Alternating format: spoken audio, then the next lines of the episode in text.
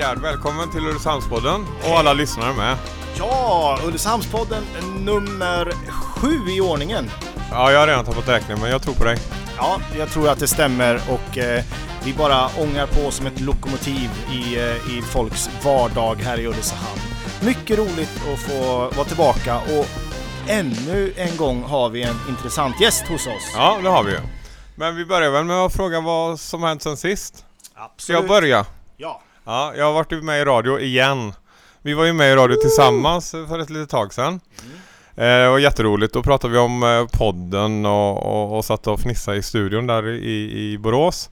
Men i fredags eh, så var, var P4 här och så då var jag minsann radiokock. Och ra- laga mat i radio för första gången. de- det var de- väldigt roligt. De säger ju alltid så här att ehm, Åh, här står jag och smaskar bredvid där man, och de, de där radioreporterna, åh det börjar rinna i mungiporna, de blir sådär läskade, de vill liksom få oss lyssnare att verkligen leva sig in där. Vad, vad hände sen nu när du gjort maten? Smakade hon ens på den? Jajamensan. Det, det, det, det man hörde var precis det som hände. Det var faktiskt väldigt eh, trevligt. Hon kom ju mitt i lunchmatlagningsrusningen också så att jag hade, ju liksom två matlagningsprojekt. Dels som att laga maten som var radiomaten men sen så lagade jag också lunch liksom. Så att det var fullt slammer i köket och väldigt mysigt och hon smakade på riktigt och sa att det var gott. Eller vad ska hon säga men det var säkert jättegott. Ja, det, jag lyssnade lite i inledningen där och det, det lät mysigt att att få stå där bakom. Jag levde mig in i, i ditt kök. Mm. Ja, Ja. men det var jättemysigt. Det var mer trångt än mysigt. Mitt kök är inte så stort och vi var fyra personer där inne. Men det var, det var jätteroligt att vara med i alla fall. Härligt! Ja, själv sitter jag ju här med eh, eh, två feta blåsor i händerna och eh, rejäl, ja ska man säga, träningsverk som känns från topp till tå. Jag tog mig igenom det där, ja ni, har ju, ni som har följt oss nu har ju hört att jag satsar lite grann på skidor det senaste. Eh, jag undrar egentligen vad jag gjorde där på Vasaloppet, men jag, men jag tog mig mål i alla fall. Ja, men, det är ju jätteroligt. Men var det, var det roligt att ta sig i mål? Nej, det var inte alls roligt. Det var, det var fruktansvärt. Det var tråkigt eh, i nio mil. Eh, det var motvind, det var snöstorm, eh, det var inga spår. Och eh, jag hade väldigt starka tankar på att ge upp det här loppet när man har åkt. Vid Evertsberg där har man kommit drygt hälften. Och det var många som bröt. Jag hamnade hos, hos eh, sjuksyran som tejpade om mina blåsor och jag mötte Ja, det var säkert fem stycken som bröt och det var två utav dem som svimmade och kände att vad håller jag på med? Ja, alltså jag är jätteimponerad. För mig är ju det nog det värsta jag kan tänka mig just Vasaloppet. För just alla människor som åker på ens skidor och man får bakhalt och det börjar snöblaska. Ja, ja, fy fan vad hemskt det låter. Men det är ju jätte... Alltså jag är väldigt imponerad att du faktiskt gjorde det. Alltså jag ska inte säga något för jag har inte blivit eh, presenterad än, men jag måste bara fråga. Det här var alltså, var det två dagar sedan du gjorde det här?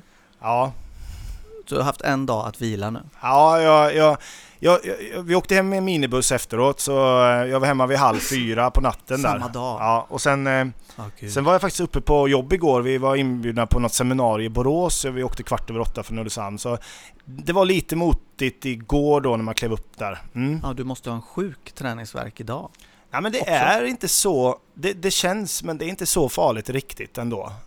Eh, lite stelt man har suttit och ska börja gå igen. Men ehm, ehm, nej, det, det är rätt så okej. Men du är ganska vältränad då egentligen Rickard. Nej, jag är ju inte det. Det, men det är också så att man jämför sig med 16 000 åkare och så står man i sjunde ledet, alltså någonstans mitt emellan alla de här och ehm, man inser att man är Ja, det finns skillnad på, på folk och folk om man säger så. De som jag åkte med i IK Höa där, de, det är toppnivå på dem alltså. Det är vilka, vilka motionärer, vilken träning och vilket liv de har.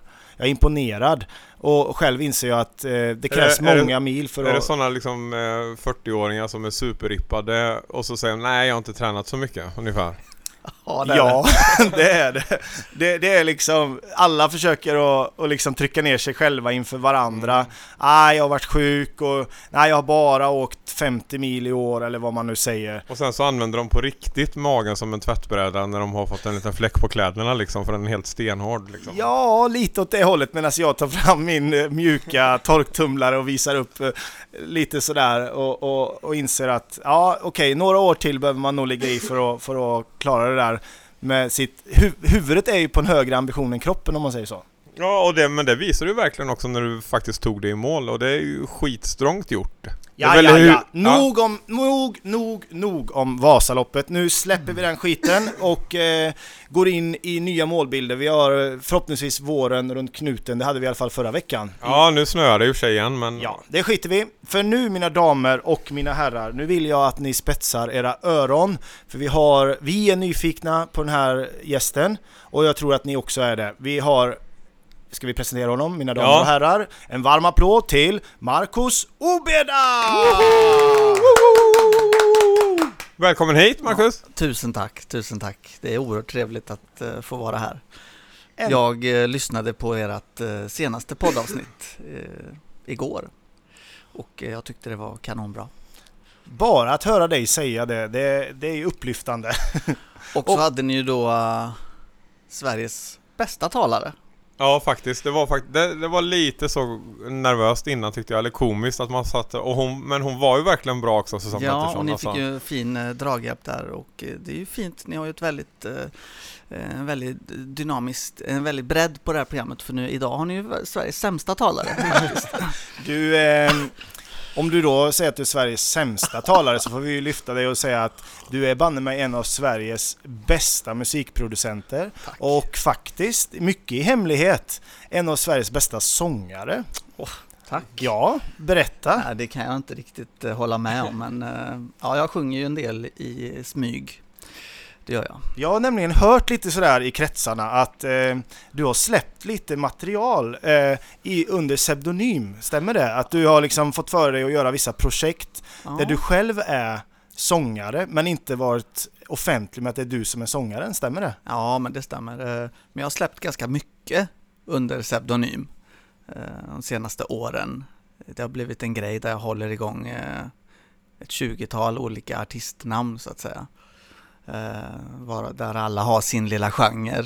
Någon är kanske bara pianomusik och någon är, och då sjunger och då kanske på någon artist och spelar in lite covers och, eller släpper lite egna konstiga låtar och sådär. Så ja visst, ja, och ibland så sjunger jag lite grann. Men då börjar jag genast tänka på, alltså jag kan ju få känslan av att du är lite, inte, ah, jo men hemlig liksom. Att du, du har inget, du är inte sån där extrem eh, liksom eh, känsla av att du måste behöva stå på scen, att alla ska titta på dig alltid eller? Som Nej. eh, vissa andra kan ha. Eh, Inte jag som pekar på Rickard. Rickard Är du här. på mig för? Ja, Jag förstår men- ingenting. Ja, men det, jag, jag kan få, få den känslan lite grann att du liksom ja, det stämmer. Ja. Det stämmer till viss del. Eh, Jag eh, uppskattar även eh, när jag är ute och spelar och att få möta en publik och att få uppmärksamhet och bekräftelse. Det är ju underbart. Men sen så tycker jag det är skönt att eh, få jobba utan press. Det tycker jag är väldigt skönt och eh, jag upplever att jag gör det eh, när jag då har dem, om jag jobbar med de här pseudonymerna och ger ut material där ingen vet, ingen vet att det är jag. Eh, då, då blir det helt plötsligt oerhört mycket enklare för mig att jobba och att vara kreativ och göra lite som jag vill.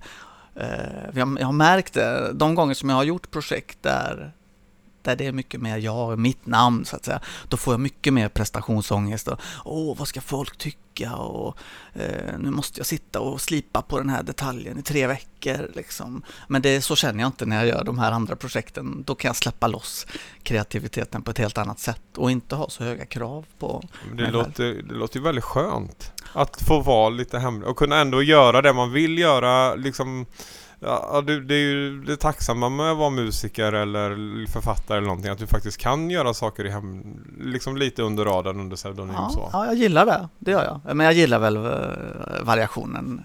Det gör jag. Men den här eh, lite, du är inne på eh, eh, prestationsångesten där. Är det Mm. något som du får, får kämpa med om du då är ute, när du är mer offentlig, till exempel i era julproduktioner. Ja, Där är ju du som, tillsammans med gästartisten, eh, i detta fallet har det varit många år med Sjögren, Christer Sjögren. ja precis. Och där säljer väl ni ändå biljetter på att det är du är du lite grann. Ja. Och eh, jobbar du då, känner du ofta då att du har en, en, pre, en prestationsångest inför det? Ja, det har jag.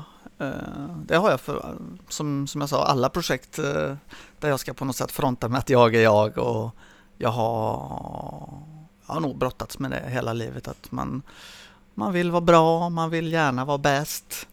Eh, har lite svårt att släppa kontrollen utan man eh, Ja, det, det, får jag jobba med. Eh, men eh, ja, jag har väldigt höga krav på mig själv. Om man tar det då lite från början i kronologisk ordning. Ja. Eh, du är född i, i Spanien, Barcelona. Ja, kom till Sverige och flyttade till en liten by utanför Timmele. mm, stämmer. Och, eh, hur gammal var du då? Då var jag fyra, tror jag, fyra och ett halvt eller något sånt.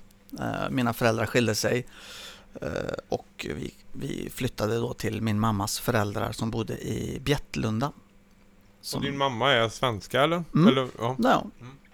från Stockholm, typ. Och pappa ifrån Eh, eh, Spanien då. Spanien. Ja. Mm. Och han var ju lite så här underhållningsmusiker och spelade på turistorterna och charmade holländskor och tyskor Och en svenska uppenbarligen. och en svenska. Ja. och där växte du upp i fyra och ett halvt år och hamnade sen i den här lilla byn. Ja. Eh, om du ser på dig själv där när du, när du kom ja, 6-7 års åldern och det blev skolgård och allt det där. Vem var du på skolgården då?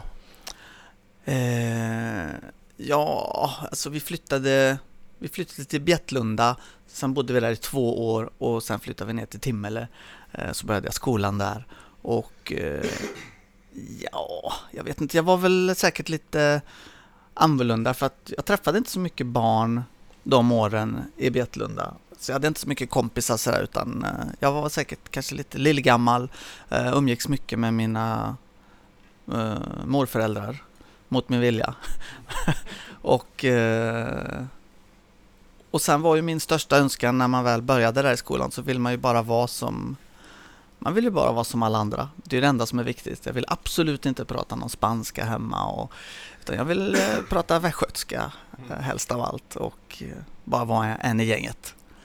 Kände du redan då kanske, om jag analyserar lite hobbypsykolog här, att den här prestationsångesten, att du ville komma in i gänget, du fick kämpa, att den här vinnarskallen där, att du liksom fick kämpa dig in i, i sammanhanget där eller? Hur? Ja, det tror jag. Absolut. Eh, Och en vilja att bli sedd och bli accepterad. Och det här kommer ju såklart också hemifrån och eh, växa upp med en förälder och så här. Och, eh, ja, det var nog, det var säkert något, eh, någon form av bekräftelsebehov som drev mig till att även att börja med musik och sticka ut och få att, eh, att få vara någon på skolgården och När började det då? Alltså när, när började det kännas som att musik ska nog hålla på med? Var du teaterapa redan från ettan? Ja, supertidigt. Ja, jag har inte så mycket teaterapa men eh, det här musikintresset eh, Ja, jag minns jag tog någon gitarrlektion, äh, gitarrkurs här i Ulricehamn eh, när jag gick, när jag var sex år och så lärde man sig alla grundackorden så här.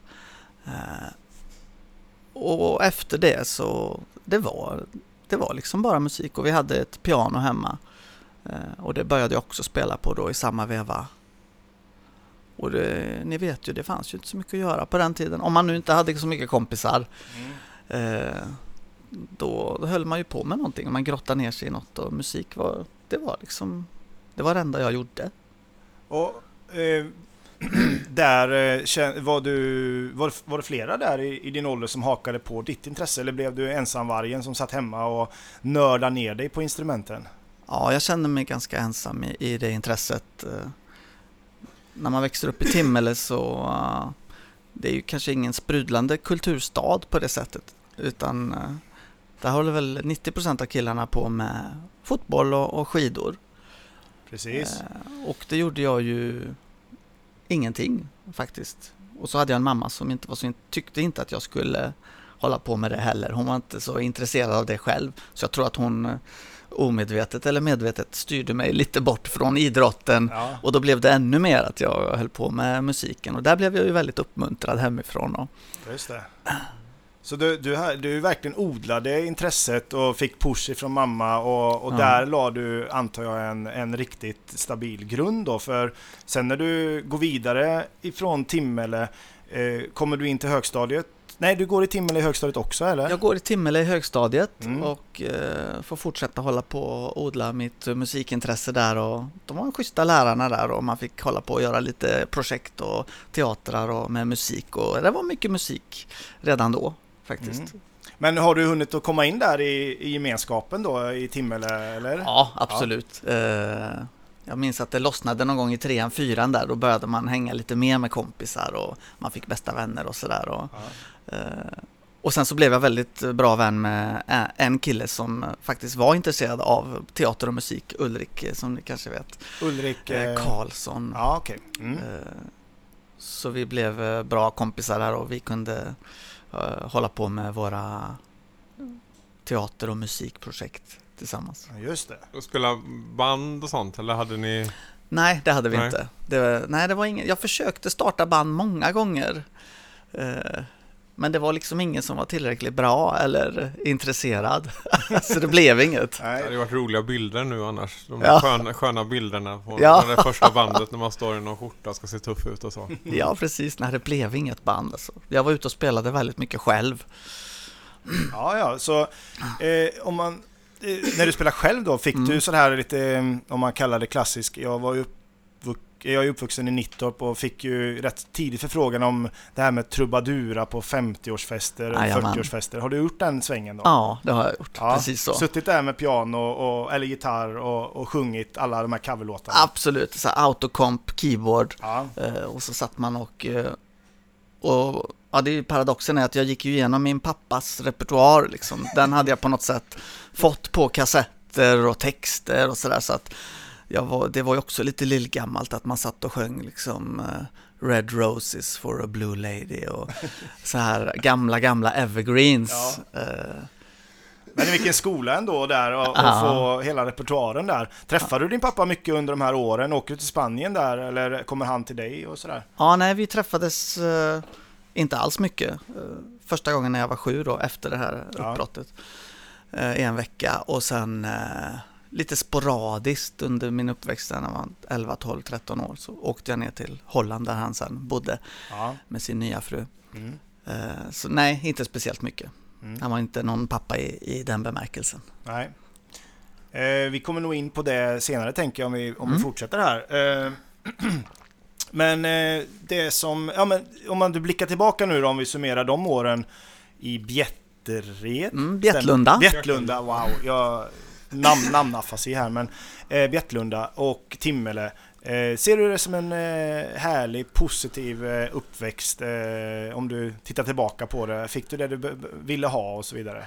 Ja, nej, hä- härlig och positiv. eh, jag- Nej, det kan jag nog inte se tillbaka på det som. Jag tyckte att eh, det var nog lite, jag känner att jag var nog ganska förvirrad och bortkommen de Mm. åren. Eh, Det är mer härligt och positivt det som hände sen när jag flyttade ifrån Timmele tror jag. Och då hamnar du, Eh, är det Ulricehamn då? Nej, då hamnade jag på, på men detta är efter Ja. gymnasiet. Eller jag hoppade av gymnasiet, jag gick här i Ulricehamn. Du kommer i alla fall, ja du går vidare till gymnasiet i Ulricehamn Mm. och då är det fortfarande, antar jag då, det är musiken, är det något estetiska program eller så? Eller vilken linje Nej, det där? fanns ju inte, för jag vågade ju inte. Jag sökte till Jönköping musikgymnasium och till eh, Göteborg Hvitfeldtska där Ja. och kom in på dem båda två där. Eh, Men sen så tog ju den här osäkerheten över och så nej, jag vågar inte flytta hemifrån och nej, det är nog bäst att gå på gymnasiet här i Ulricehamn. Ja. Så då så blev det ju skjorta och eh, slips och portfölj och så gick jag på teknisk och Apropå försökte vara, lillgammal. ja, visst, Mm. och försökte vara som dem. ja, du fortsätter där, eller du, du drog dig inte ur det där som du kände, antar jag innerst inne att du egentligen ville, utan du, nej, du utan valde nej. det trygga spåret. Ja, jag valde det trygga spåret som så ofta här i livet. Eh, Så då gick jag där i två år och första året gick bra och andra året så började jag bli mer och mer förvirrad och eh, jag kände att jag hängde inte med i skolan och jag fattade inte liksom på mattelektionerna. Och jag kan fortfarande drömma mardrömmar om det idag, hur jag liksom är tillbaka på gymnasiet och det är massa lektioner, jag förstår ingenting och jag känner att "Men det här kommer aldrig att gå. Eh, Och mina betyg störtdök och så här, och det blev mer och mer musik. Och, så det, då var Ja, det men då- naturligt att hoppa av. Ja, då drog du till Tjörn sa du? Ja, på en, eh, så kom jag in på en, då sökte jag lite folkhögskolor som jag kunde göra. okej. så gick jag där på eh, musiklinje. Och det var ju fantastiskt. Ja, och jag, jag bara tänker lite kort där. Du, nu är vi på, du är född 77? 74. 74.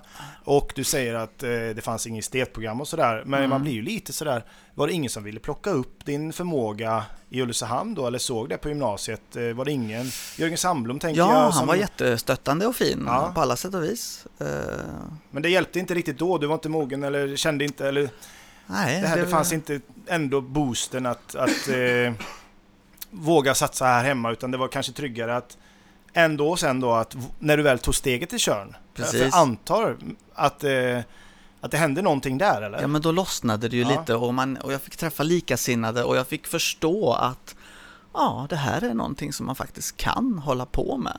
För det kändes, hela, under hela uppväxten så kändes det som att musik, det kan bara vara en hobby och det kan bara vara på kul liksom. Men sen måste man skaffa sig ett jobb och så vidare och så vidare. Eh, Men det var då, det var första gången jag insåg att, ja men, här finns ju möjligheter. Mm. Eh, Och då förstod jag det att ja, man kan öva piano. Jag hade ju bara skojspelat i alla år. Men då, då fick man ju lära sig att ja, om man övar mycket så kan man komma in på musikhögskolan och så kan man gå där och utbilda sig och träffa massa folk och få fortsätta med det. Så då blev det ett mål ganska snabbt för mig att just det, nu ska jag, nu ska jag bli bra på, nu ska jag öva som en gnu. Och det gjorde jag. Och sökte in till Musikhögskolan också. Ja, det gjorde jag då, Ja. ett, ett år senare. Och Ja. så kom jag in där, Var är det någonstans? eh, i Göteborg. Ja. Det finns ju, man kunde ju söka Stockholm och, och Malmö också, men då återigen så tog jag det som var bekvämast och närmast och minst farligt. Ja.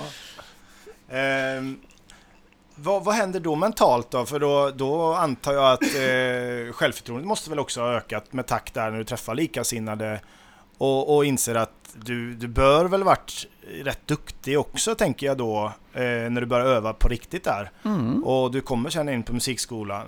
Ja, då visst. släpper det då liksom eh, självförtroende och känslan av att eh, nu, nu har jag hittat platsen i livet sådär eller vad händer?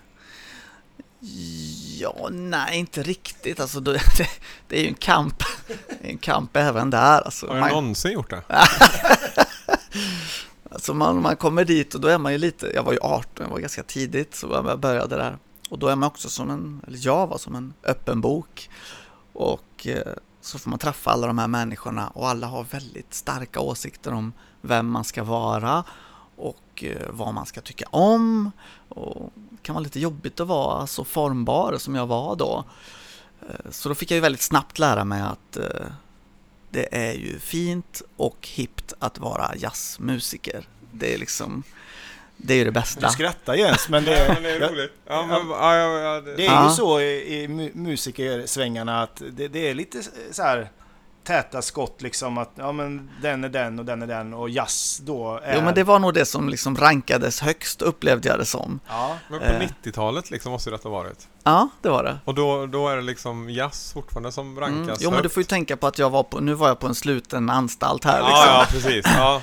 Och Eh, det, det är en, en liten ö där jazz Ja, ja. ra- rankas Och jag högt. kom ju från, eh, ja, jag gillade ju, jag älskade ju så här Quincy Jones och så att jag hade, jag var jätteintresserad av jazzmusik eh, redan då. Det var jag. Och är det inte så i musikerkretsar fortfarande att jazzen är modern på något sätt eller att man Eh, där, det var ju hipp, när jazzen blev hipp om man säger. Sen, har ju, Mm. sen när man pratar gemene man så tycker man att, eh, vadå jazz eller så? Det är inte så stor Nej. genre. Nej, det, Men just- Det, det är väldigt många som håller på och droppar någon jävla jazzmusiker om man ska prata om ja min bästa musiker hit och dit så är det Ja, ju någon det. liksom så. ja, De är väl såklart jävligt duktiga, det är ju inget snack om den saken. Jag tycker ju ganska mycket om jazz men, ja. men att det finns en viss liksom in, att det är en intern genre till viss ja, del, det är liksom. det. det. Visst är det det.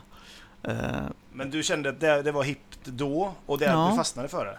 Ja, det- jag älskade, ju, jag älskade ju den musikformen, det gjorde jag. Men jag hade ju hållit på väldigt mycket med, eh, alltså, som sagt, evergreens och framförallt vanlig popmusik och Mm. Prince och sånt här som jag älskade. Men det fick jag, det kände jag att det var inte riktigt, det fick jag lägga lite åt sidan. För det var ju inte riktigt okej att gilla det när man gick där. Eh, utan eh, jag gick, i, jag gick in i den absolut svåraste jazzen och eh, spelade Frias nere på Nefertiti på tisdagskvällarna och liksom och då skulle man ha viss klädsel, man skulle klä ner sig liksom. Man Mm. skulle ha lusekofta helst. Det var det, Är det liksom. dåtidens eh, hipster lite grann? Ja, jag tror det. Ja. Jag tror det. Så jag köpte mig en lusekofta och jag var där nere och spelade svår frias för eh, 17 i publiken liksom. Och, men det var en härlig tid det också. Ja. Och, eh, du, du säger att det aldrig riktigt släpper där. Eh, Men någonstans, självförtroendet där måste väl ändå... Du känner ändå att... Är du inte lite i smeten redan då för att titta på Nefertiti och lira Mm. Frias? Det Jo. gör ju inte en random musiker så. Ja, nej, men på sitt sätt så släppte det väl lite grann och eh, jag fick vara med och turnera med lite band och sådär och bli hyfsat anlitad eh, medan jag gick på skolan redan.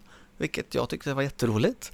Och jag eh, hade ju fått för mig att det här är ju det, det, är det jag ska göra resten av mitt liv. Att vara en turnerande lusekofta jazzmusiker. det var min, eh, min dröm tror jag. Bara. Och du, du, du fixar det liksom. För Ja. då, då är du inne i, Ja. i det där. Ja, det, Ja. det var jag Och absolut. de närmsta åren då eh, i Göteborg och, och du hamnar rätt så tidigt i, i turnéer liksom och i olika band och konstellationer. Och Mm, hur ser du på de åren? Präglar de dig starkt där antar jag? För då är du 2021 någonting eller? Eh, ja, just det. Det är jag, precis. Eh, nej, men det tuggar väl på liksom.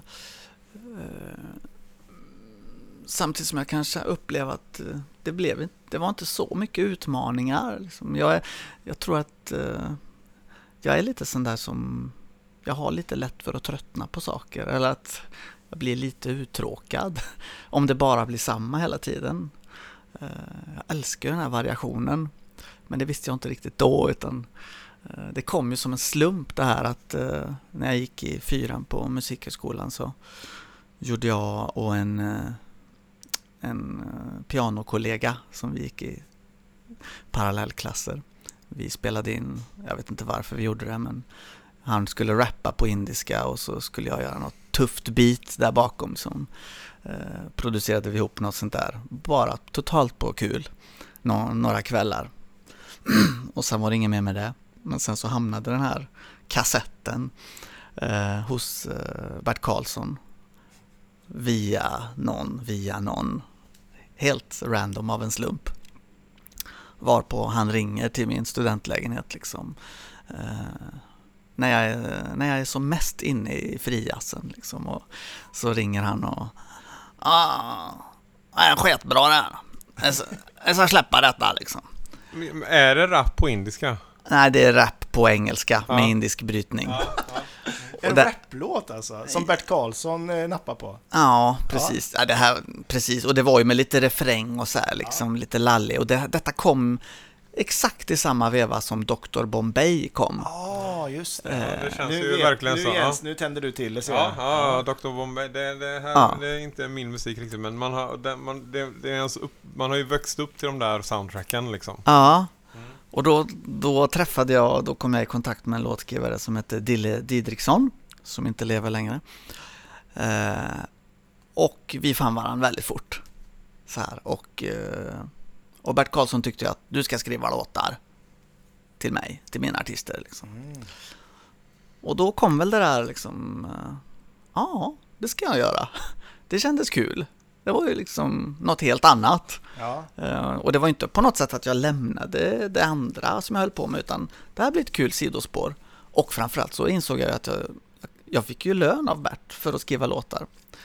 Vilket var helt Ja, otroligt. nu låter du ju väldigt lugn här men alltså nu, är, nu befinner vi oss liksom i mitten av 90-talet Ja. och, och, och liksom att få ett samtal av Bert Karlsson, tycker vad man vill om den eh, gubben liksom och vad konstigt han har gjort i livet, det är ju oerhört stort för en musiker.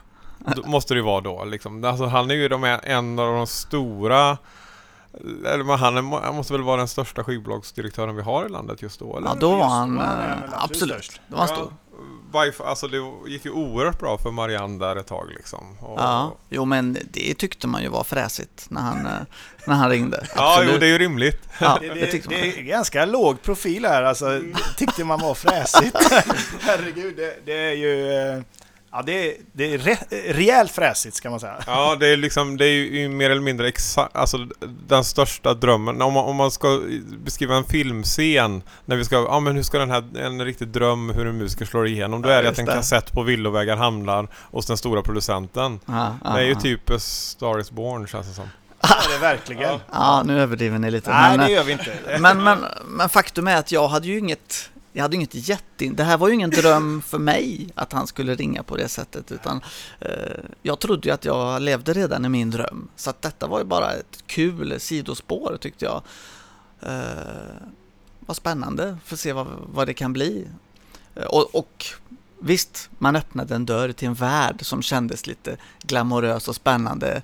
Jag hade ju såklart en väldigt skev bild av hur det var att vara låtskrivare och producent. Jag trodde ju eh, att det var ännu mer, eh, att alla var Max Martin på något sätt i den här branschen. Ja, det, det är väl säkert lätt att bli det, tänkte jag. Och så var det ju inte alls. Eh, men jag kom dit till Skara och eh, fick lära känna de här låtskrivarna och Bert. Han erbjöd mig att börja skriva låtar. Men jag skulle bo kvar i Göteborg och ha mitt liv där. Men jag skulle skicka material helt enkelt.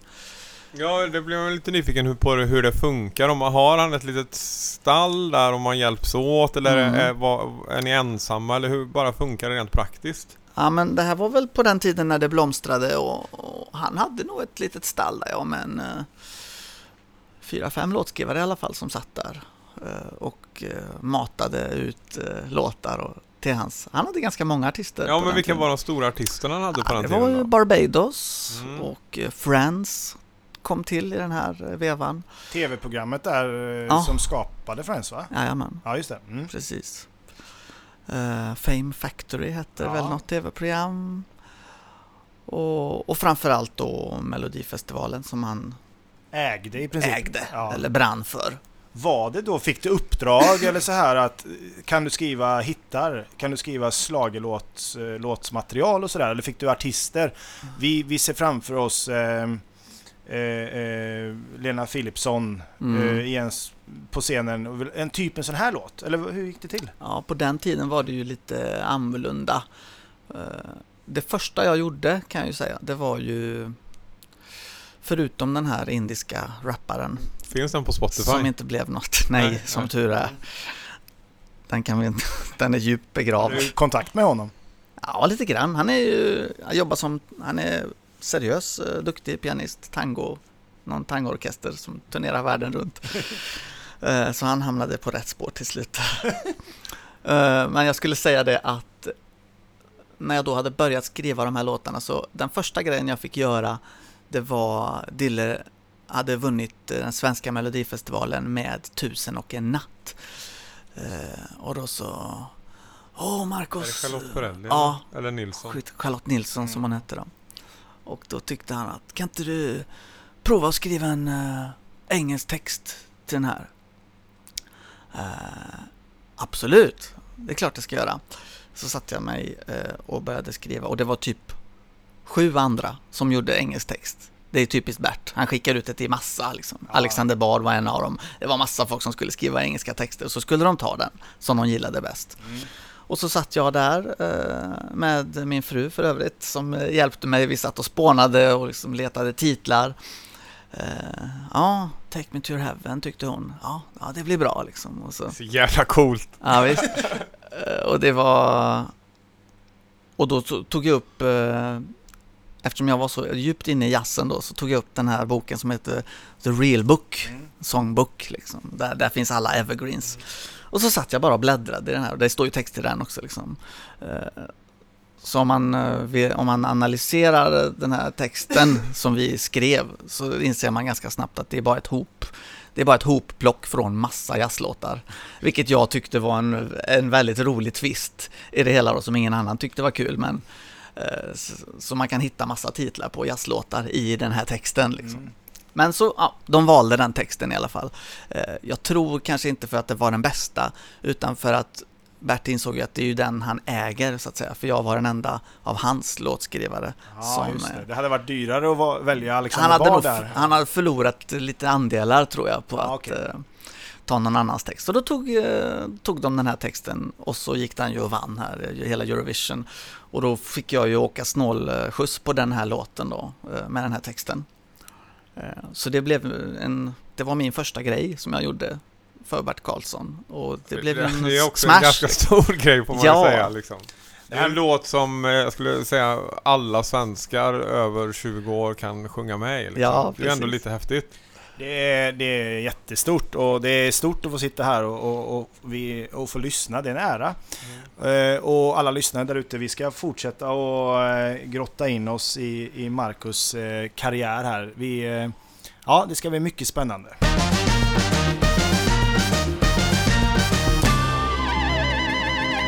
Då har det blivit dags för lite reklam här i Ulricehamnspodden. Det finns ju alla möjligheter att köpa sig en liten spot hos oss. Kontakta oss i sådana fall på Facebook så syr vi ihop någonting tillsammans. Och dagens fantastiska inlägg kommer ifrån Kristin Emilsson som har sin mottagning i Timmele. Kristin titulerar sig naturterapeut. Alternativ behandlingsmetod som jag själv har provat flertal gånger. Jag kan varmt rekommendera det. Jag fick ett eh, ryggskott eh, där hon löste detta på två behandlingar. Hon jobbar med alla möjliga form av eh, problem som man har fått. Whiplash, domningar, magproblem, yrsel, migrän, huvudvärk, stress, utmattning, ansträngningsastma och så vidare. Kristin är lite utöver det vanliga skulle jag säga. Hon jobbar djupt in på musklerna. Det gör lite ont, men vad det gör nytta. Hon har fått många, många eh, fantastiska kommentarer. Bland annat från en 83-årig dam som säger att så här bra har jag inte mått i kroppen på 10 år. Jag vill varmt, varmt rekommendera Kristins behandlingar.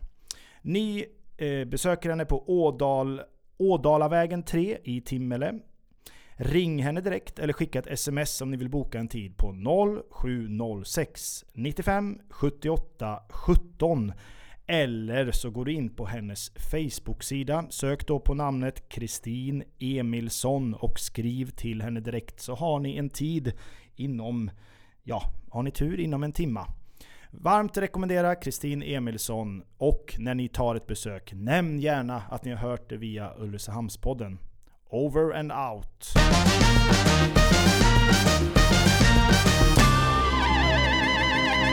Ja, ja men det är väldigt spännande att sitta och prata med Marcus och eh, vi har just eh, avhandlat en eh, liksom spännande, lite lätt förvirrade unga killen som ändå hittar in i den här branschen på olika bananskal och som tar lite olika vändningar. Ja, Och det var mycket jazz egentligen också liksom. Samtidigt som du är ham- helt plötsligt hamnar i en slagervärld. ja, precis. Bananskasprincipen kan man nog säga att den har eh, tillämpats hela mitt liv Mm. faktiskt. Men du Eh, brinner egentligen för jazzen fortfarande då här nu liksom Ja. slutet av 90-talet? Men problemet är att jag brinner ju för, jag älskar ju musik i alla dess former och jag älskar att skriva poplåtar och jag älskar eh, svår frias och ja, och jag undrar så här, måste man, måste man välja? Och det har jag aldrig tyckt att man behöver göra. Även om de flesta som håller på eh, i en genre oftast tycker att man ska Ja, välja. Får man liksom arga blickar liksom? Mm, Eller tycker, alltså vad fan ska du hålla på med det nu? Vi ska ju Ja. liksom sitta här nu och bara nöta i fyra timmar i, i källaren eh, på, på jazz eh, Absolut. in solon liksom. Ja men de jazzarna som jag umgicks med då mest, de tyckte ju att det var ett oerhört svek mot eh, kulturen. Att jag eh, helt plötsligt satt och gjorde dansbandslåtar till Bert Karlsson. Du fick lite skit helt enkelt. Ja, inte, egentligen inte, inte direkt, men jag kände ju helt klart av det. Ja. Eh, för det var ju inte politiskt korrekt att, eh, att hålla på så. Men det är liksom dansband och Per Karlsson. Det är liksom så... Det är Ytterligheterna. Ja men det är ytterligare det är så oerhört okreddigt på något sätt. Ja, liksom, det är det. om eh, Det är det. det är ju fånigt att det är det. Men det är ändå liksom det är det man tar som exempel på när man ska ta. något, Absolut. liksom. För du, vi är i 99 där och eh, slagen är ju stark i Sverige och dansband är starkt och så vidare och Fame Factory som vi har nämnt innan. Men eh, där hamnar du också på en femårsturné i världen. Mm. I, och du nämner eh, jazzlegendaren, trummisen. Ja, Vad Billy? Cobham. Ja. Och du hamnar i det. Hur hamnar du in i ett sånt band som får göra världsturnéer i, ja, i, den, i det facket. Ja, det var ju också bananskalsprincipen då. Ja. Eh, Det var, han var i- Sverige och gjorde han gjorde ett projekt med eh, svenska, nordiska musiker tror jag. Eh, Och så var det, så hade de ett avhopp där på en keyboardist som var sjuk eller inte kunde.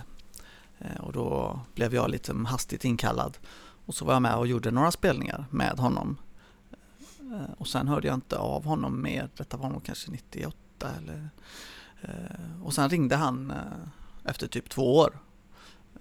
Också till min studentlägenhet och Hej man, I'm gonna start a band. Vill du vara med? Och då skulle han ha ett, liksom, han hade ju ett amerikanskt all-star-band och så skulle han ha ett europeiskt band som han kunde turnera med, lite mer lokalt till att börja med. Eh, Culture Mix skulle den heta, Billy Cobham Culture Mix. Eh, absolut, så jag tackade ja direkt och fick flyga ner till Zürich och börja repa med det här bandet då. Eh, och sen så började vi göra lite turnéer då med, den, med hans musik. Och den passade mig perfekt, tyckte det var jätteroligt. Eh, lite sån här 70-tals fusion.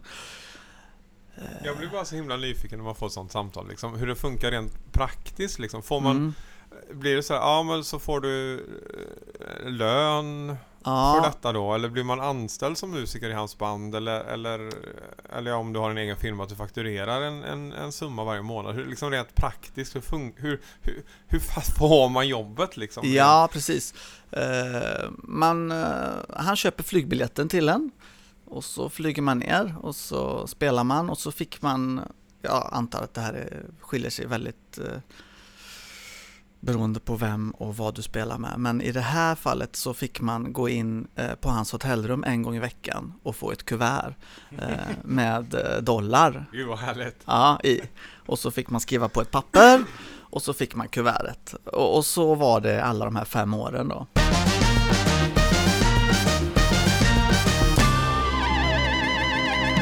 Okej, eh, pengar i ett kuvert, det är ju det är ganska spännande. Det är ju som man hoppas liksom. Man hoppas ju att det ska vara svaret på den frågan. Ja, för att det det är är, liksom roligt.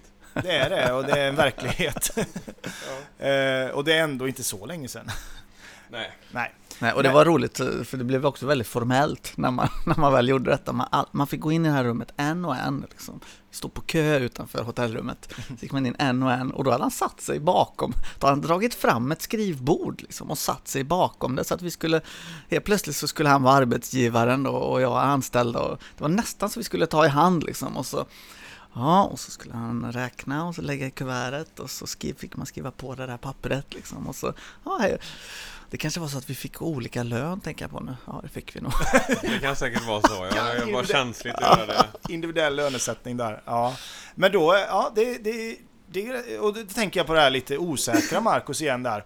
Mm. För att eh, du hamnar ändå i ett i, i spelsammanhang som är eh, oerhört avancerat. Men ja, du är, är du så trygg i din musik så att du kan du släppa din nervositet eller din, eh, din känsla av att känna dig som den lilla pojken, den osäkra som inte hittat sitt sammanhang och sådär. Känner du det där? Nu är jag i mitt sammanhang och här är jag trygg. För en annan hade ju ballat ur av nerverna att få Ja. spela på världsturné. Ja, nej men jag, jag var ju såklart jätte, jätte nervös de första veckorna liksom, när man gjorde detta. Och jag minns den första spelningen vi skulle göra, den var på, ja, vad hette den nu då?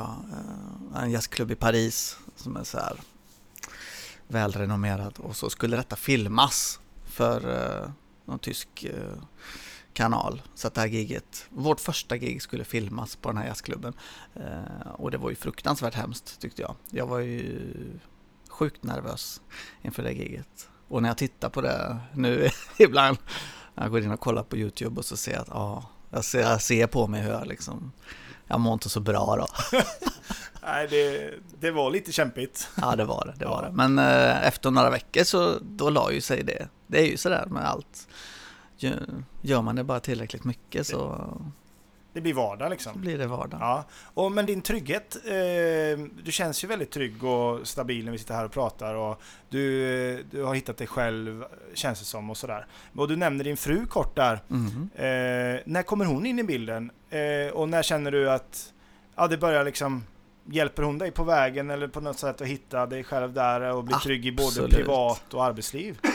Absolut, hon är min absolut största rådgivare Ja, genom livet. Och eh, hon kom in i bilden när jag hade på mig vit skjorta och slips och eh, portfölj redan på gymnasiet. wow! Ja, är vi visst. där redan? Oj, oj, oj. Ja. Mm. Mm. Så att eh, vi träffades på gymnasiet. Och så har vi följts åt. Eh, jag, när jag flyttade till Göteborg så flyttade hon ner till Skåne och så vidare. Så vi flyttade ju inte ihop direkt. Men eh, ja, vi har hållit ihop. Det var, det var lite oväntat för jag, i mitt huvud så fick jag det till att i Göteborgstiden där, Ja. att det var där ni träffades. Men hon hängde helt enkelt med på din resa, din utveckling. Ja. Och hon har också valt mediabranschen eh, och är delvis i, lite i samma bransch eller? Ja, och, ja, nu jobbar hon på SVT och eh, pendlar till Göteborg varje dag. Och eh, jag tror att hon, eh, ja hon har ju hängt med på så mycket melodifestivaler och hamnade tidigt också i den branschen och lärt känna massa människor och tyckte att det är kul. Och hon är ju betydligt mer utåtriktad än vad jag är. Så hon passar ju den branschen mycket mer än vad jag gör. Ja. Men du har ju också varit i den branschen och du berättar att du nu hoppat av eh, Digilo, nej Doobidoo. Ja, Ja, precis. tv-programmet. Och Ja. vi har ju sett dig som kapellmästare där i typ 13 år. Mm, mm. Och vi har sett dig som kapellmästare i Bingolotto. Ja, Och här snackar vi ju tunga, tunga tv-program. Och där har du synts i tv-rutan och, och, och det är ju ett modigt steg kan jag tycka att, att frivilligt hoppa av när det startar igång igen där. mm. Och du har befunnit dig där. Vad är känslan eh, när du åker, har åkt till Göteborg de här 13 åren och liksom va, varit i den eh, tv-branschen? Mm, det, var, det har varit jätte, jätteroligt. Eh, och eh, att vara kapellmästare för mig har också varit av en slump. Det var inget jag drömde om eller önskade att få bli. Utan eh, det var Lasse Kronér som ringde och tyckte att eh, jag hade skrivit en låt till honom. Detta var också runt eh, 2000 där. eh, Som han gillade väldigt mycket, som han hade med på sin soloskiva. Och i den vevan så hade han väl hört att jag även var musiker och sådär. Så ringde han och frågade om jag ville bli kapellmästare i Bingolotto. Eh, Och då tackade jag ja genast.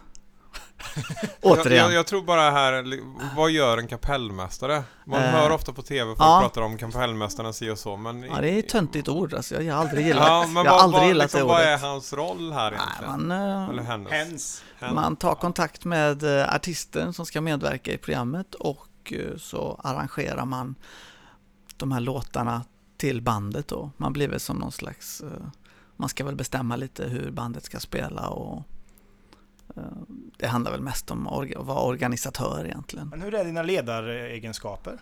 Ja, om du frågar dem som jag spelar med så tycker de ju inte att jag är någon kapellmästare i, i den bemärkelsen utan de, de säger nog att ja ah, men du är ju soft Marcus, du säger ju aldrig till liksom. du blir aldrig arg. Så att eh, jag är inte riktigt den, eh, nej, eh, jag, vill in, jag, jag tycker att folk ska, helst av allt så vill jag att de ska eh, göra det de är bäst på utan att jag behöver säga någonting. Finns det någon sån här fånig sådär eh, genikult i även musikerbranschen att kapellmästaren ska vara tuff som någon regissör på film eller så? Ja, det tror jag. Att det ska det är ganska lite- vanligt tror jag. Mm. Och det behöver ju inte vara dåligt, men man är ju bara så himla olika som människor. Och jag är ganska dålig på att säga till folk vad de ska göra. Blir det då att bandet formerar sig tillsammans mycket och ni överen, tillsammans kommer överens om så här spelar vi låten och ni repar låten i ett samtycke? Ja, och jag tänker att jag vet vad de är bra på Mm. som jag spelar med och då utnyttjar man deras styrkor eh, genom att arra en låt eh, på det sättet att ja, men eh, Sebastian som spelar bas liksom, jag vet precis att han, eh, han gör det här på det bästa sättet om jag bara skriver så här eh, och så vidare. Får du chans att, ham- fick du chans att handplocka dina musiker där och, och välja dem du själv ville arbeta Ja, med? det fick jag, men det var redan de som var med i bandet. Det var de bästa, så Ja. eh, det var inget svårt val. Och, och här kommer vi in på spännande grejer. Jag tänker nu då senaste året så Eh, Christer Sjögren har ju varit en eh, profil i många år och du har ju arbetat med honom i många år också på jul, era bejublade julkonsertsturnéer Mm. Och Så mycket bättre är ju också ett av de största tv-programmen just nu. Och där vet jag att du har arrangerat eh, hans musik. Ja, precis. Eh, Förra året gjorde vi det. Det var ju ett naturligt steg i och med att vi jobbade ganska tätt då i och med de här julturnéerna. Så jag var väl den som han jobbade mest med i studion. Eh, och då var det enkelt för honom att fråga mig att eh, Marcos, har du lust att sätta ihop de här låtarna? Men hur, hur funkar det då? Får du själv eh, fria tyglar där i början eller är Christer själv inne och, och petar på idéer? Eller är det du som ger idéer till honom? Nu ska vi avslöja de här liksom sköna hemligheterna bakom sådana här program. Ja, precis. För att det, du får ju en låtskatt till det egentligen, massa olika Ja, låtar så här. ja. Och så väljer ni själva. Hur funkar det där? Jag tror att den här processen ser väldigt olika ut beroende på vilken artist det är som jobbar. Men eh, Christer var bekväm med att jag fick göra utkast helt enkelt eh, på versioner så som jag tyckte att det skulle vara. Som, ja, som demos som jag skickade till honom eh, där jag hade gjort ett upplägg på en låt. Och eh, jag tänkte mig in i hans röst och hans situation eh, och försökte skapa något som passar honom. Och han var inte det minsta svår när vi jobbade utan han köpte 98% av det jag skickade till honom. Så det var en väldigt lätt, lättjobbad process. Och även där får du ynnesten att sitta i din studio och vara konstnären helt enkelt. Ja. Och det har ju, har ju du och din kollega Emil också utvecklat till ett spännande projekt. Kajak känner vi ju många till. Ehm, hur startade det och hur funkar den processen? Där ni gör, eh, nu gör ni egen musik men ni börjar med covers. Ehm, Att få skapa där. Ja, eh, det var ingen, eh, jätte, det var ingen jättegenomtänkt eh, idé från början. Utan vi satt och fikade här på stan en dag. Vi skrev låtar ihop, gjorde vi för några år sedan, eh, till andra artister. Och så beklagade vi väl oss eh, över att eh, ja, man har så mycket låtar i skrivbordslådan och som alltid blir aldrig någonting. Och man skriver kanske 20 låtar och så ges en ut, ungefär. Och det gäller väl de flesta låtskrivare. Så tänkte vi det, ja. Vi, vi, vi sätter oss och så ger vi ut en låt i veckan istället. Och då jobbade jag parallellt eh, med de här pseudonymerna och gav ut covers. Och då märkte jag att det här går ganska bra på spellistor och så. Det är ganska lättjobbat. Eh, Det, Spotify tycker om covers. Ja, och där, vi, vi nämnde ju det innan, pseudonymgrejen där. Mm. Eh, om du får säga en pseudonym och, Mm. och man kan gå in på Spotify Ja. som har blivit störst som vi inte känner till. Vad, vilken? Eh, Det kanske är en pianist, eh, en pianist som heter Enzo, E-N-Z-O. Eh, Så det är bara, det är typ eh, jag som spelar piano sent på kvällarna hemma. Alla lyssnare, gå in och, Spotifya Enzo Ja. så får ni eh, helt klart en, en låtskatt där. Eh, och den låtskatten sitter framför oss i, mitt i Ulricehamn. ja. eh, men Kajak eh, tar också eh, vändningen då att ni gör egen producerad musik nu och ni, ni filmar era, era låtar, lägger ut. Ni är väldigt produktiva. ja, Hur, hur ser du på den framtiden? alltså vi är ju inte mer produktiva egentligen än vad vi var innan när man satt och skrev låtar så här. Men, men nu är det väl skillnaden att vi faktiskt vi ger ut allting. Vi släpper en låt kanske, nu är det väl varannan vecka kanske. Eh, och vi har väl tänkt att eh, vi jobbar på detta på hyfsat lång sikt och håller på så länge vi tycker det är kul. Det är ju lite roliga timman när vi träffas. Eh, det känns som att det viktigaste när man håller på så här som jag gör, det är att behålla glädjen och behålla barnsligheten och kreativiteten. Och det är väl det vi försöker göra när vi jobbar tillsammans. Och, och, ja. Jag, jag börjar fundera lite på liksom, eh, som, som vi nämnde bara Spotify har vi ju nu, vi släpper inte skivor längre och det måste ju Nej. vara en jädra stor skillnad som Oerhört stor låtskrivare. skillnad. Och det, det känns som att det är ett jädra slöseri nu att ha liksom 20 låtar liggande i en byrålåda liksom. Om, man- alltså, borde, om, man kan, om man kan ge ut det så lätt, eller det är ganska lätt att ge ut det liksom och, Ja. och få det på Spotify och man kan det som får spridning är ju Ja, man har ju inget skivbolag att förhålla sig till eller sådär. Eller nej, nej, det är ju det är ju ganska okomplicerat idag att ge ut en låt. Det kan ju precis vem som helst göra och det ges ju ut, vad var det, 30 000 låtar om dagen tror jag på Spotify. Så det är inga problem. Eh, problemet är ju att nå ut till någon förutom ens mamma och bästa vän som ska lyssna på det. Eh, det är ju väldigt lätt att man ger ut en låt och så får den 30 streams och så blir det inget mer med det. Och då tänker jag det här kommersiella då, för att Mm. du, eh, du säger att du aldrig har sökt ett jobb Nej. och du befinner dig i en bransch som många upplever svår att försörja sig på. ja. Och du är, du är lite anonym och sådär. Men hur tänker du? Men ändå så seglar ju grejerna iväg lite grann där och, och ni gör ju reklam för er och så vidare. Ja, men jag är egentligen jag är ju intresserad av business-sidan kring musiken också Ja. som ett intresse. Jag tycker det är spännande att se hur man kan tjäna, musik, äh, tjäna pengar på musik Ja. helt enkelt idag. Det tycker jag är roligt. Samtidigt som jag vill vara svår och sitta och göra min egen musik så de, världen, de världarna rimmar ju inte riktigt egentligen men eh, Så du har lite natur eh, från eh, naturlinjen där i gymnasiet, ändå ja, lite kanske. Ja, entreprenörs eh, och tänk Portföljen. Portföljen kommer fram.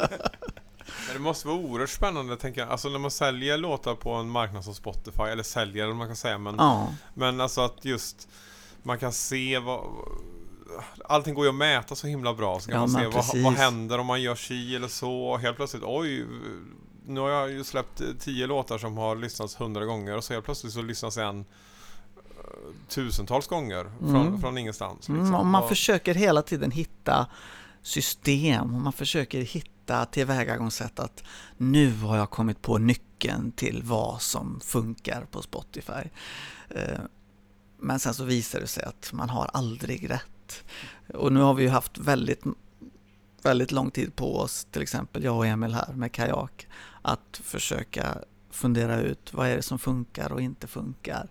Men eh, det finns, vi har fortfarande inte lösningen på, på det utan man vet inte. Om man ger ut 65 låtar som vi har gjort så det blir aldrig den låten som man tänker att den här kommer att gå bra.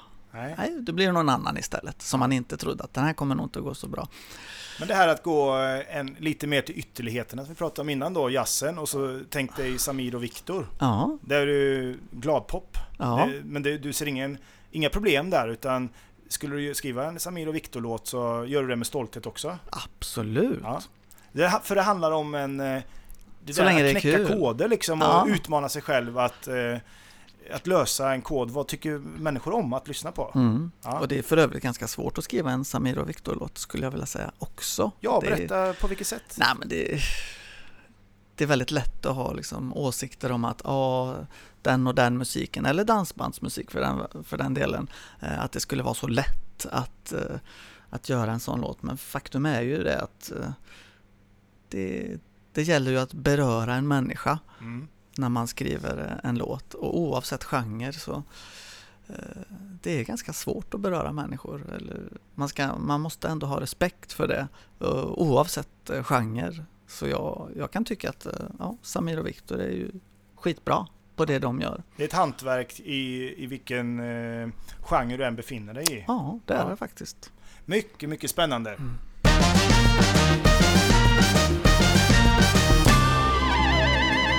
Heter ju som ni alla vet Ulricehamnspodden och eh, det innebär att vi har ju en del eh, lokala kopplingar till det vi pratar eh, med gästerna om och eh, det är ju väldigt spännande att få eh, prata med Marcus om eh, musiklivet och hur det funkar och så vidare. Men du var i Göteborg i många år, sen var du på världsturné och då var jag också i Göteborg. du var också, Ja. du, har station, stationen då blev Göteborg hela Absolut. tiden eller? Ja, Mm. absolut. Du träffade, eller du hade ju din fru där. Mm, vi Och- fick barn. Ni fick barn även i Göteborg? Jajamän, Ja. två barn i Göteborg. Men vad hände sen? Varför väljer ni att åka hemåt igen då? Det är för, för Anneli jobbar ju fortfarande säger du i Göteborg och pendlar ju Ja, varje dag. Ja. Och, eh, och du kan ju vara på turnéer och du kan, eh, man, som musiker kan det ju vara viktigt att så att säga vara i eh, smeten och träffa rätt människor och allt det där. Men du, absolut. du släpper det och sätter dig i ett, en villa i Ulricehamn. Mm, nej, jag släppte inte det kan jag säga, utan det var med en eh, grov ångest som jag flyttade hit. Eh, vi hittade det här huset, vi letade i hus Och vi var runt och vi var i Mölnlycke och vi var i Mölndal och på husvisningar och så. Men så visste vi att det här huset fanns och så var, la, lades det ut till salu så kände vi att nej, vi provar. Eh, flyttade vi hit våra grejer och eh, började flytta ut möblerna i huset och helt plötsligt så bodde vi här. Året är då... Ah, det är en bra fråga. Det är 12 år sedan, Ja. typ. Med grov ångest Ja. hamnar du Ja, i... så grov var den inte. på raken som flyttar hit med ångest. Ja, Ja, men precis. alltså, Och jag kan ju också vittna om att jag flyttar hit med ångest. Men eh, ångesten har ju släppt. Har Ja. det gjort det för dig? Ja, absolut. Det gjorde den ganska snabbt.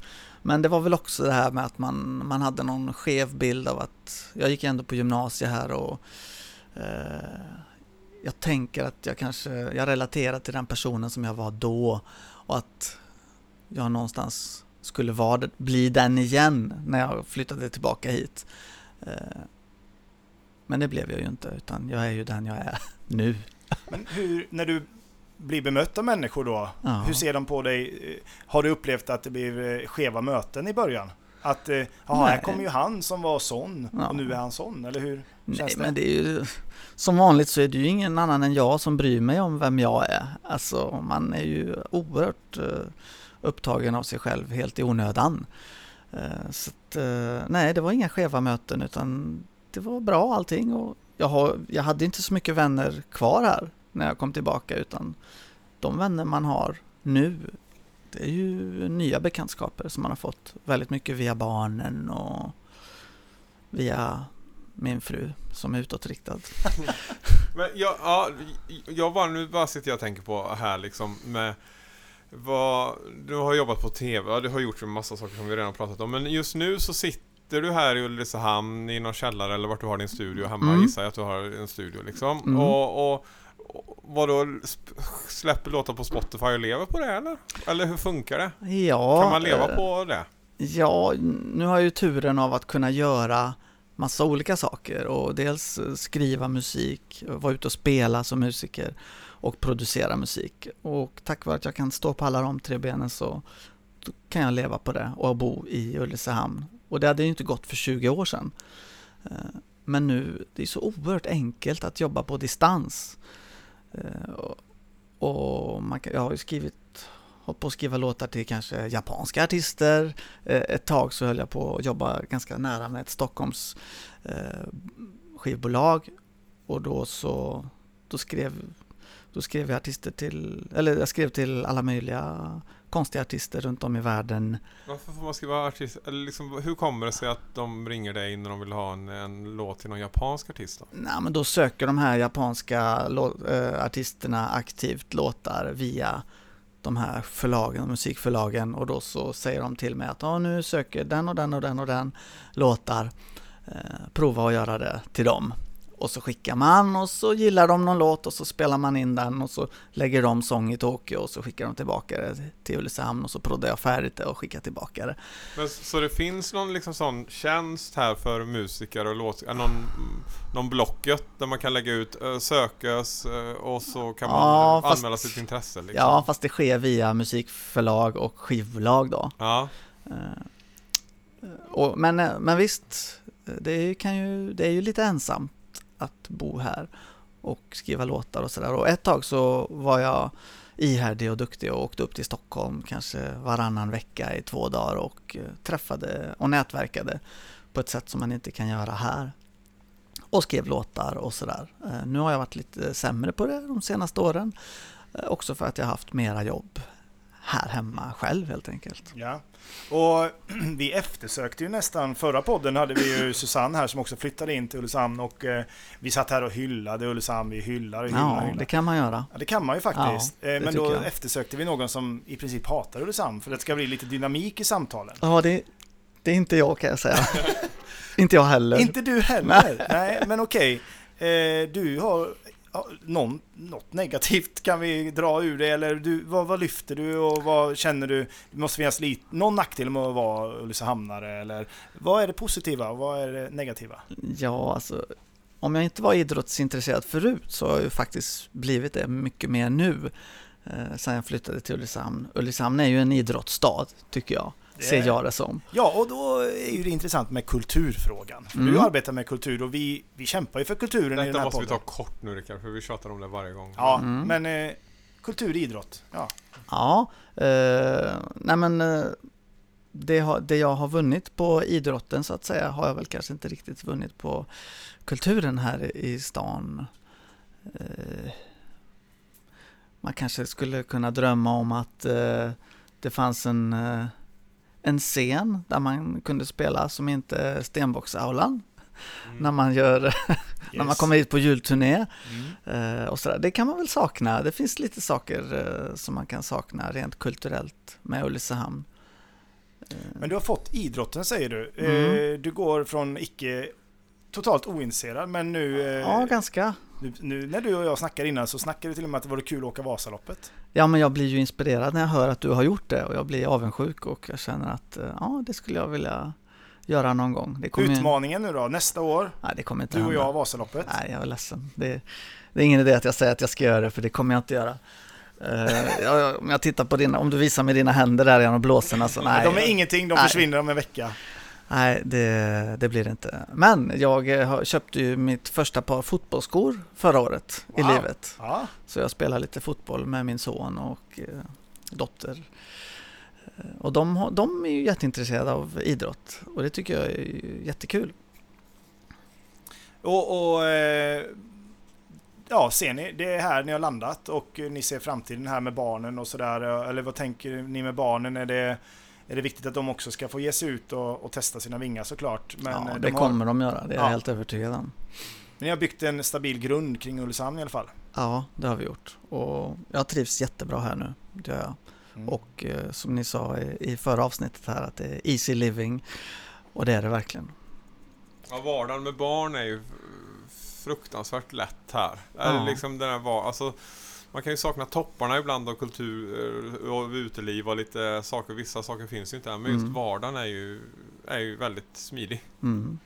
Men vi ska, vi ska inte dissa kulturen helt och hållet för att eh, vi har ju några saker som är väldigt, väldigt bra. Alltså Uport och eh, eh, det finns eh, ett Folkets hus där Ja, man nej, kan det både gå på bio Och- alltså, och konserter. Skulle man gå på alla små konserter som anordnas på alla ställen och, och, och alla teaterpjäser som kommer hit så skulle man ha ganska mycket att göra på ett år också Ja. egentligen. Det, är väl- Absolut. det, det, det finns många, många eldsjälar som jobbar utan stöd från det offentliga eh, i mångt och mycket men som verkligen gör skitbra Ja, så grejer. finns det en kille som heter Jens som han gör lite så här konserter på sin, eh, på sin bar. Ja, just det ja. Och Sitt sen café. vet vi ju att Tack, eh, tack. Kajak, vi Ja. måste göra reklam där. Vilket datum? Eh, åt, Ja, just det, vi spelar nästgårds här. ja, vägg i vägg.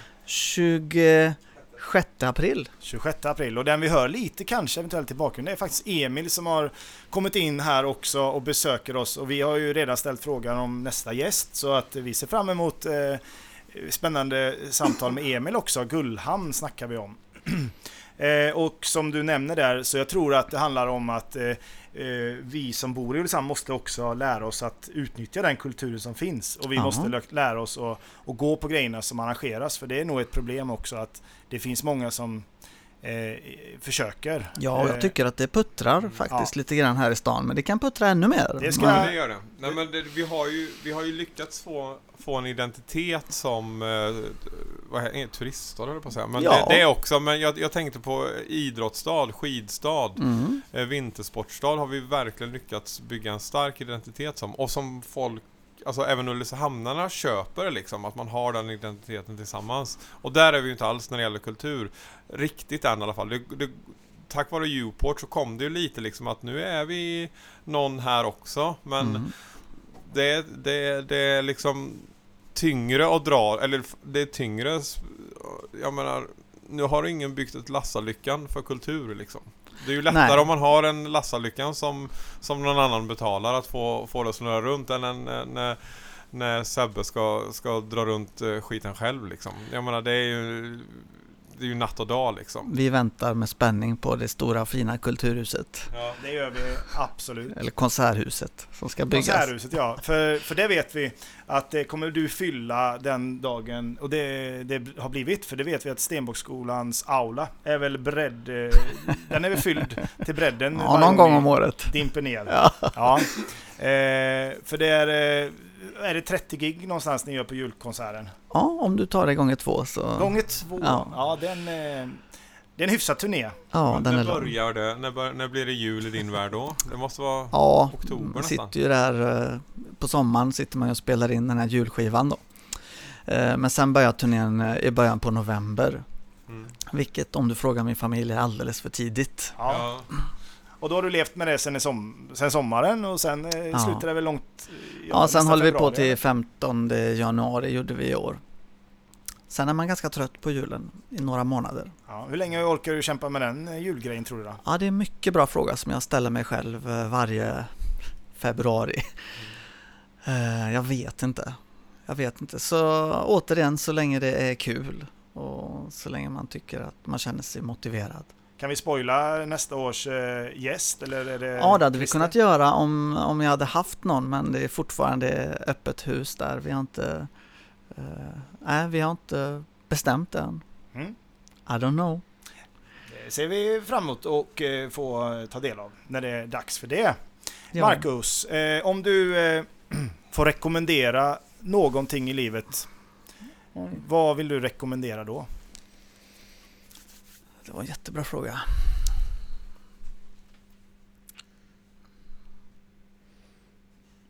Här klipper vi eventuellt i den här tystnaden nu, men han ska få sin tid att fundera, alla lyssnare. Det.